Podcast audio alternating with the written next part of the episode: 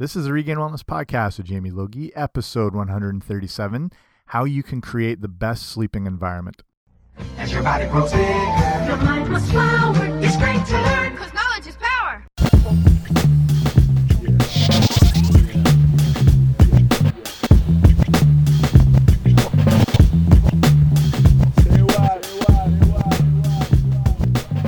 Hey guys, what's happening? Welcome back to the podcast. I'm Jamie Logie. I run regainedwellness.com, and this is Regained Wellness Podcast. And thank you so much for joining me here today. If it's your first time, thanks for coming out. We appreciate it. Got a whole bunch of other episodes on every health topic you could think of nutrition, fitness, um, amazing guests from, you know, New York Times best-selling authors to guests of things like Dr. Oz or The Today Show. There's even a WWE Hall of Famer in there. Check them all out. Um, and if you haven't, make sure you subscribe on iTunes or wherever you get your podcasts. I don't care where you get your podcasts. I'm not going to judge. Wherever you get them is fine. So just make sure you subscribe, and that way they're automatically sent to you.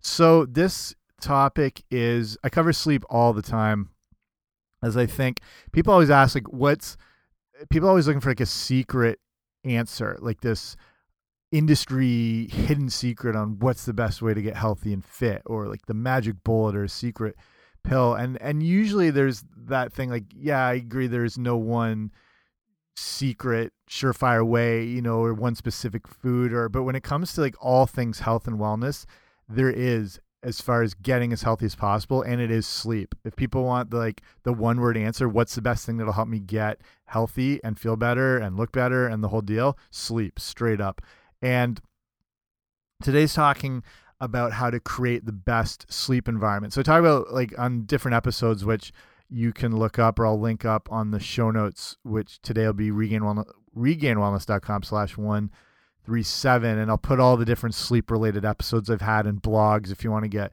more into detail and like the you know the science behind why sleep is so beneficial and what happens. I'll cover a little bit of that. But today's actually about creating the best sleep environment and how to set up your room to get the best sleep possible. And you know, I'll cover things from the the color of the room and lighting to pillows and a whole bunch of different stuff. So hopefully there's some good takeaways you can get from this episode and let's get right to it.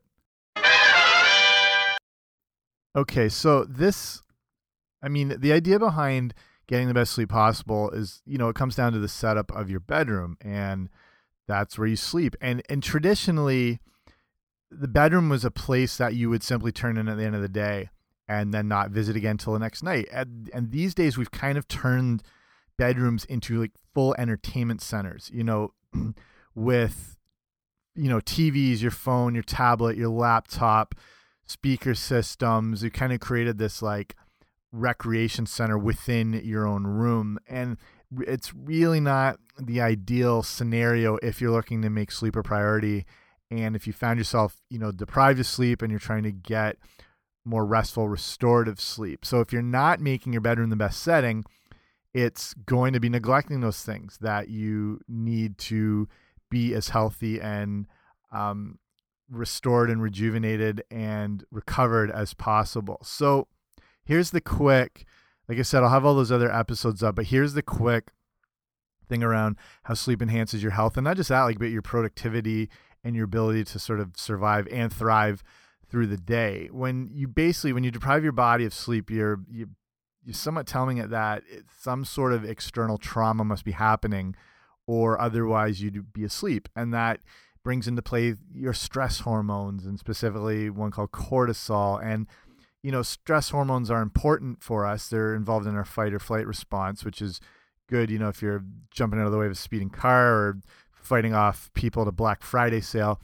But when they're elevated too long over the long term, they cause some pretty nasty things in the body, including, you know, th there's a long list. Here's just a few anxiety, headaches and dizziness, increased heart rate, uh, possibly stroke, hypertension you find digestive disorders happening, depression, um, immune system dysfunction, and we're I mean, depending when you're listening to this, this it's I'm recording right now. It's the start of December, and you know, in this part of the world where I live in North America, the days are starting to get um, shorter. There's we're not getting as much sunlight exposure, and that's when you know the seasonal affective disorder can hit in various forms of possibly depression and whatnot. And then when you're not getting sleep on top of that you just compound all those issues. So this is a time of year when you really want to make sleep your priority. And th this is relevant all year round but that's just where we're at. And like i said this is just scratching the surface as stress hormones really hammer your body. And that's the thing your body it's it doesn't really matter what the situation is as far as why you're not sleeping. It's still the same reaction in the body. Like your body may not be sleeping because there's some disaster or environmental trauma or you know the way our bodies originally were designed and you know where we come from and where we used to live and exist and these were real things you know threat of famine um, saber-toothed tiger attacks. Today, it doesn't know that you've just been up all night watching a House Hunters marathon and scrolling through Tinder till three in the morning. Your body responds the same way, regardless of what the cause is. It, it just that increase in stress hormones happen, and so when you do start to sleep better, you start to see all areas of your health improve. You begin to have stronger immunity. There's you know less pain, less joint pain, less muscle pain, better memory, improved cognitive function that can lead to better productivity so better performance in work or school or wherever you are so this now we get into like how your environment affects your sleep so our environments affect so much of our lives and you might not always be aware of that they just you might just it, to you it just sort of exists on the back burner and you don't really take into account but there's a ton of factors that impact our ability to get decent sleep and that includes things like the temperature whether internal or external, like within your home or outside, you know, the time of year, noise. So depending on you, if you live in a big city, obviously it's a huge problem um, compared to if you live in an isolated place in the country. Light and how that affects us from our electronic light to home light to the city light to lamps outside, like street lights, car lights, the whole deal. Then you've got other things like simple things like your bed comfort how it plays a lot into it. And then, of course, in this day and age, electronic distractions, which will happen, um, you know, basically even more so at night. Like some people like start the day with their phones or their laptops, or they maybe can't get to them as much through the day, and then at night, where you know our houses spring into life, the TVs are on iPads going, phones going full steam, and then all those electronic things can become, you know, a real damper on our ability to get sleep. Even just the occasional like car honk can cause more sleep disruption than, you know, a, a steady state noise. So if it's like dead to the world and then just one car honk, car honk, car honk, bam, sleep's disrupted. You know, compared to that, you know, some people who live in areas where there's high traffic or you know constant noises from like you know trains and stuff and they say they can't get a they can't get to sleep until they hear that. It's sort of like that background white noise. But so both of these things can have an impact on our ability to sleep like in various forms of disruption. And not surprisingly studies have found that people who live in urban areas may actually be chronically sleep deprived. And i don't think it takes rocket scientists to figure that out but you know there's enough that's been looked into to realize this environment is creating less than ideal situations for our health as it's related to sleep. So, in looking in what you can do to create that best sleep environment, and I mentioned, you know, earlier the mistakes most people make in turning their bedroom into this fun zone of entertainment that lights up at night more than, you know, Times Square. You got the 50 inch flat screen in there which is like having a giant spotlight just shine in your room. Um, and it may seem boring, but your bedroom really should have a simple, simple setup to optimize sleep. And if it's very important to you, you want to kind of get all those um, physical and mental distractions out of the room. I mean, you have, depending on what your home setup is, you have hopefully other spaces where you can create that entertainment center dynamic and ideally move it away from the bedroom. So here's five things, actually uh, five or six different things you can focus on to create that ideal sleep environment. So the first thing is lighting. And if you can get dimming lights that makes it easier to decrease the brightness later in the day. And the more exposure we have to light, the more it has a negative impact on our sleep. Like our bodies follow this circadian rhythm. And when we wake up in the day, light is good because it gets us alert. It means, okay, we're active. Our bodies got to have to sort of spring into action and start functioning. Then later in the day, it tapers off, and actually, darkness helps to help our bodies wind down and get in more into that sleep cycle and sleep stage. But when it's still exposure to light, you know, whether it's electronics or blue light or bright fluorescent lights or even just normal light bulbs, it just prevents that circadian rhythm from winding down. And then that really prevents us um, from falling asleep and staying asleep. And there's different sort of intensities of lights, you know, like a, a, soft bedside 40 watt. I don't even know what the different intensities of the wattages are now as far as the you know lamps and whatever, but a soft glowing light bulb is at least a less intensity than like I said that 50 inch HD TV which is just glaring blue light and just all general light at you. Um, so if you can get something like dimming lights, it's you know it's easier to decrease the brightness and sort of taper it off as the the cycle of the day winds down. And then if you don't have this, this is a time you want to at least turn off overhead lights, which tend to be brighter and a little more um, not necessarily powerful, but we're exposed to a little more as that light sort of shining down, and we are expo like exposed to it sort of um, as it fills the whole room. And then this is a time of day where you'd want to at least use that small bedside lamp. And if you get the softest glowing bulb, the better. So, I mean, you don't need to turn your room into like the red light district. You can buy those kind of orangey reddish bulbs, but the warmer the bulb glow, the more conducive to sleep it will be. And that's where, with like electronics, you want to try and eliminate that blue light that comes off them. And you can do this with, like, if you use an iPhone, there's the why do I always forget this? The night shift mode.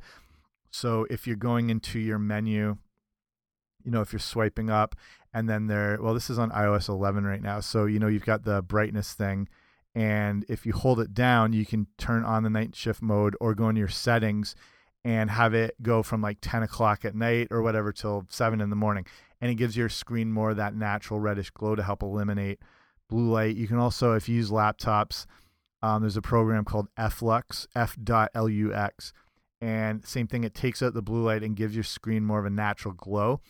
And same thing, it works with the cycle of the day. So as it gets later into the night, the screen's got more of an orange, less intense glare that comes off it, and it actually gets down to the intensity of like candlelight and even the glow of fire embers. So that last remaining little glow, which as a like as a species, as a um as a people and you know where we've come from and everything that's what our days would have looked like we when we didn't have you know lighting and fluorescent lights and laptops and whatever and we lived more in natural environments as the day wound down our primary source of light would have been fire or whatnot so in various forms.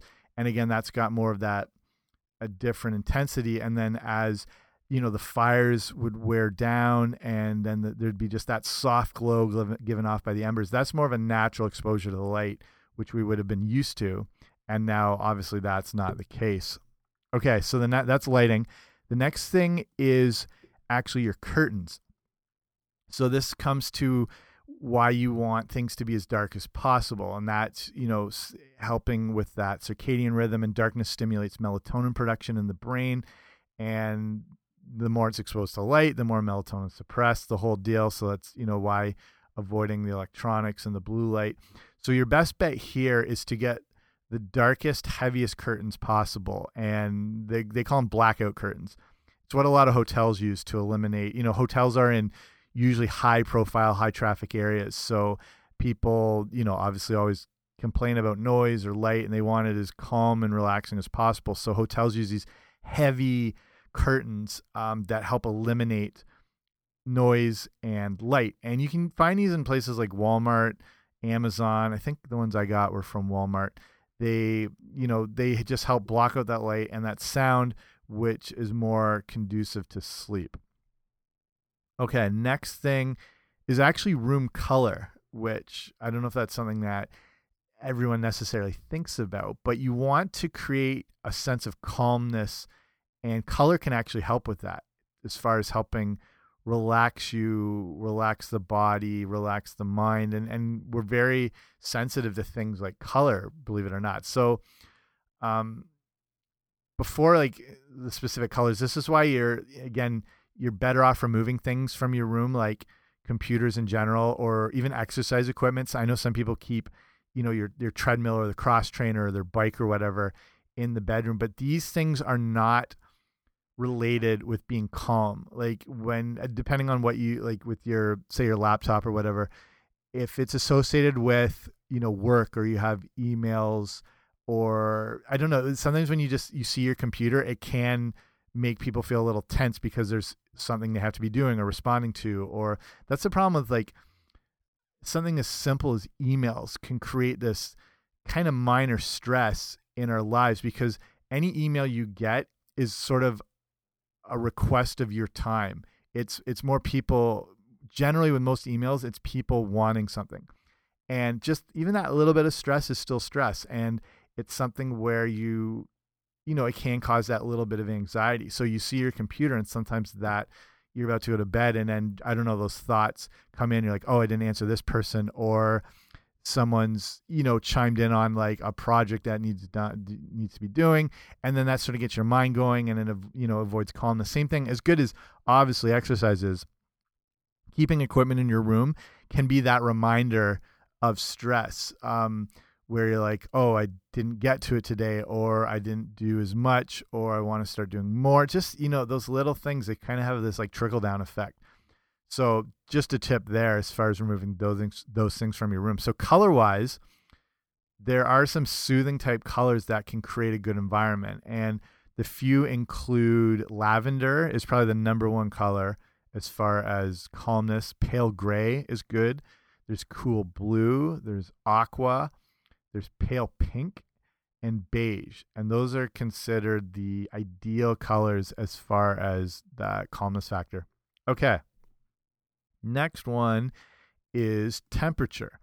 And again, it may seem appealing, especially during the winter months, to have a warm room. And obviously, you want it somewhat warm. But the idea of making things really warm to get you drowsy, to sleep better, is kind of a, a myth. It's actually not an ideal temperature, and your room should be more on the cool side. Your body temperature naturally drops as you drift off to sleep. So keeping a cooler room can help jumpstart that process. So that makes it easier to fall asleep and also helps you get a deeper and more restorative sleep. So ideally your room should be and a lot of you know and sleep experts agree on this your room should be 5 to 10 degrees cooler than your average daytime temperature and i know that's maybe a little too specific ideally your room your bedroom should be cooler than the rest of your house. And depending on the time of year, I mean, you know, I'm not saying like you should have no heat in your room year round, but if it's in the summer and just say it's 70 degrees outside, that's the average daytime temperature, you want your room around 60 to 65 degrees. As it gets colder in the winter, that changes things a little bit because obviously you still want your house warm and you don't want it at like 40 degrees, but you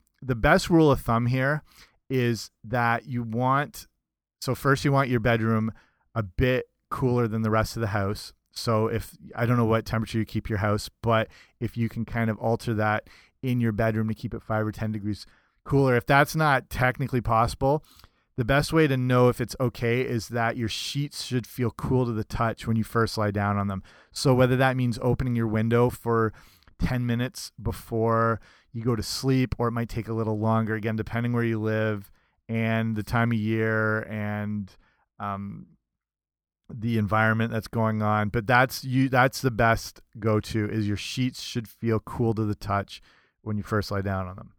Okay.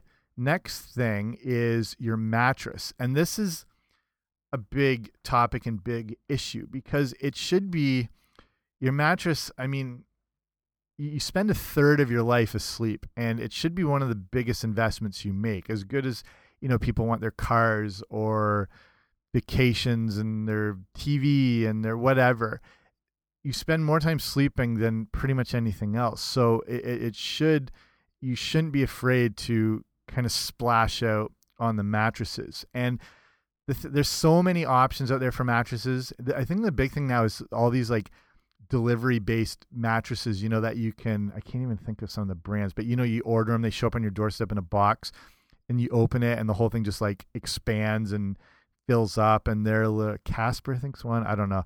They're, you know, and they're a little more affordable now and there's better quality and they're using better materials. But at the same time, there's this ton of different options. So you usually people want to go for the most super soft one they can find, you know, like all pillow top stuff, memory foam, and but your best bet for ideal sleep is a medium firm mattress or a firm one with a softer, you know, pillow top thing. And that's going to help give your spine the ideal balance of support and at the same time some cushioning. When you when a mattress is too soft, everything actually relaxes a little too much and it can actually, you know, hamper your breathing a little bit. Um, you, you need that support there. And, and that's as far as just, you know, potential muscle pain or lower back pain and stuff like that. So you want that support, but you want um, obviously some softness so it does feel comfortable. Okay, the last thing I'll talk about is your pillow. And again, this is one of those things people just sort of possibly neglect it or they're I don't know they just they're uninformed or they don't consider it um, an issue. But as far as how important your mattress is, your pillow is probably as important, if not more important. And it's one of those things. Again, your everything like your your entire head, your body lies on this thing the whole night, and it should be the best quality thing you can get. You know, you you've spent you know tons of money on you know high end coffees or I don't know what I don't know whatever your preference is and what you spend your money on.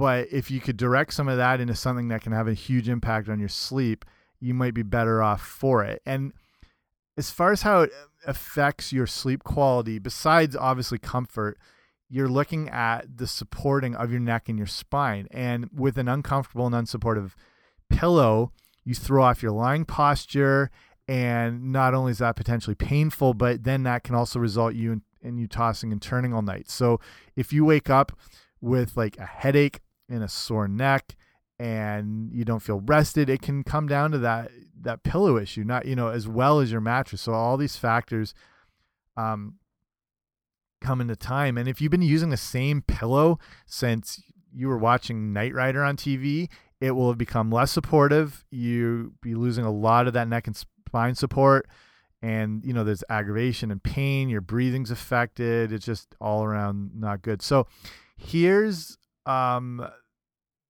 how you can determine the best pillow type and you need to look at what type of sleeper you are. Some people sleep on their sides some on their back some on their stomach. If you're like me you're curled up in the fetal position sucking your thumb. But if you sleep on your side you will need a firmer pillow as there becomes a larger distance in your head and your shoulder that can cause neck problems. And if you have wider shoulders, um, you'll need, you know, even a bit thicker, even a bit uh, more firm. If you sleep on your back, you can get away, you can, you can get by with a thinner pillow as you don't want your head pushed too far forward. And pillows that have you know like a larger sort of loft at the bottom third of the pillow can be you know the, the ones they have they're sort of anatomically correct and they have that that sort of like well they call it a loft but sort of that lump um, that can be great for better neck and spine support so you can try one of those out if you sleep on your stomach you want a very thin pillow as to not push your head out of position too much. So not only is that neck pain, it can affect the breathing if your head's sort of jarred up like that. And I don't know if you consider this interesting, but there's a lot of factors about a pillow and what makes a good pillow. And a feather pillow is the classic pillow and can actually last the longest up to eight years. And they're super expensive, but again, you know, you got to decide what's worth it as far as your rest and your health and your sleep. Uh, a down pillow is also great. They can last up to five years. The pillows that have man-made type fillings, which seems like they have just sort of the guts of old teddy bears and stuff put into them. They are the most inferior, and they can only last around at the most two years, but usually around six months. And sleep experts again say it's a good idea to change your pillow at least every 12 to 14 month months. Uh, if it's one of the more inferior type pillows, you regardless you just want to change it every year. Even a good feather pillow might have to be changed sooner if it starts to get out of shape and lose its support. So don't uh, you know like I said that the best most expensive feather pillows they can last, you know, again up to 8 years, but you want to check that they're still holding up. And there's a test you can actually do. And this is the test to see if your pillow is still supportive. So is to lay it down on a hard surface and fold it in half and squeeze all the air out. If the pillow returns to its normal shape after you release it, it means it's still supportive. A pillow that's too overused and kind of basically worn out, it'll stay folded up. So take whatever pillow you're using and try this out, and you'll have an idea if it's time to uh, toss it to the curb or upgrade. Okay, last little bit. How many pillows do you need? Um, again, this depends on your sleep position. One ideally should be all you need if it's a quality one. Using two, I know some people like that, but again, it can put your head into that un uh, unnatural position and results in that neck and spine discomfort and that, you know, again, pain and aggravation. It's also important to be aware of your, you know, having your head in that bad position and really how it affects breathing and disrupted sleep. And that can lead to headaches and um, fatigue during the day, irritability, the whole other thing. The a second pillow can actually be useful to use between your legs, and that can help take pressure off the lower back. So if you sleep on your side and you do have back problems, you've probably seen this before. You've either tried it or heard it recommended. Put that pillow in between your legs, and it just kind of separates them enough to kind of take a little bit of that pressure off. So, I mean, yeah, it's weird. It's just one of those things, a pillow, again, people take for granted. But, um, you know, I think people are aware now of how important a good mattress is for sleep and there's more you know research and education and people you know those there's those beds that have the you know finding your sleep number and the qual you know I said like the quality materials and the ability for the bed to breathe and to keep you cooler at night you know so there's more education and more knowledge but like the pillow is right up um there's how you know being of key importance as far as how it affects your ability to sleep each night Okay, let's wind it down there. I've said the word pillow more than I probably ever have in my life, but hopefully these bunch of tips here, you know, the room temperature, the color, the lighting, the pillow, the mattress, the whole deal. Hopefully there's some things you can take away here to start creating that good sleep environment and getting on top of your health. And if, you know, you're new to health and fitness and wellness and the whole deal and nutrition, this is you know where you want to make your first changes to start it off sort of set sleep being like the foundation of good health. And if you you know you're already in you know part of a healthy lifestyle this hopefully might be a refresher. Hopefully you're doing all these things anyway and you're good to go in the whole deal. So that's it for me. Thanks for listening. Like i said make sure you subscribe on apple podcasts where you get your or wherever you get your podcast and if you're interested in sponsoring the show. I'm part of this group. Well, not a group. It's a website called Patreon.com, and it's kind of like a crowdfunding way to support people who make you know things like this, like podcasts or music or art or whatever. And it's something you can do like a monthly support system as low as like a couple dollars, and then depending on what levels you support, there's different you know rewards. So in my case, it goes from things like some of the ebooks and guides all the way up to like full on nutrition coaching. So if you go to patreon.com slash wellness, you can see all the whole deal, like the whole page and get all the more info. It's a really good thing. I there's people I support on Patreon, some YouTubers that do nutrition work that I really like and I just want to support them and everything. And it, you know, doesn't cost a lot and whatever. So if you're interested, patreon.com slash wellness. That's it for me. If there's any questions you have in general or topics you want to see covered on the show, you can write to me at info at regainedwellness.com. That's it. I'm out. Thank you. Goodbye.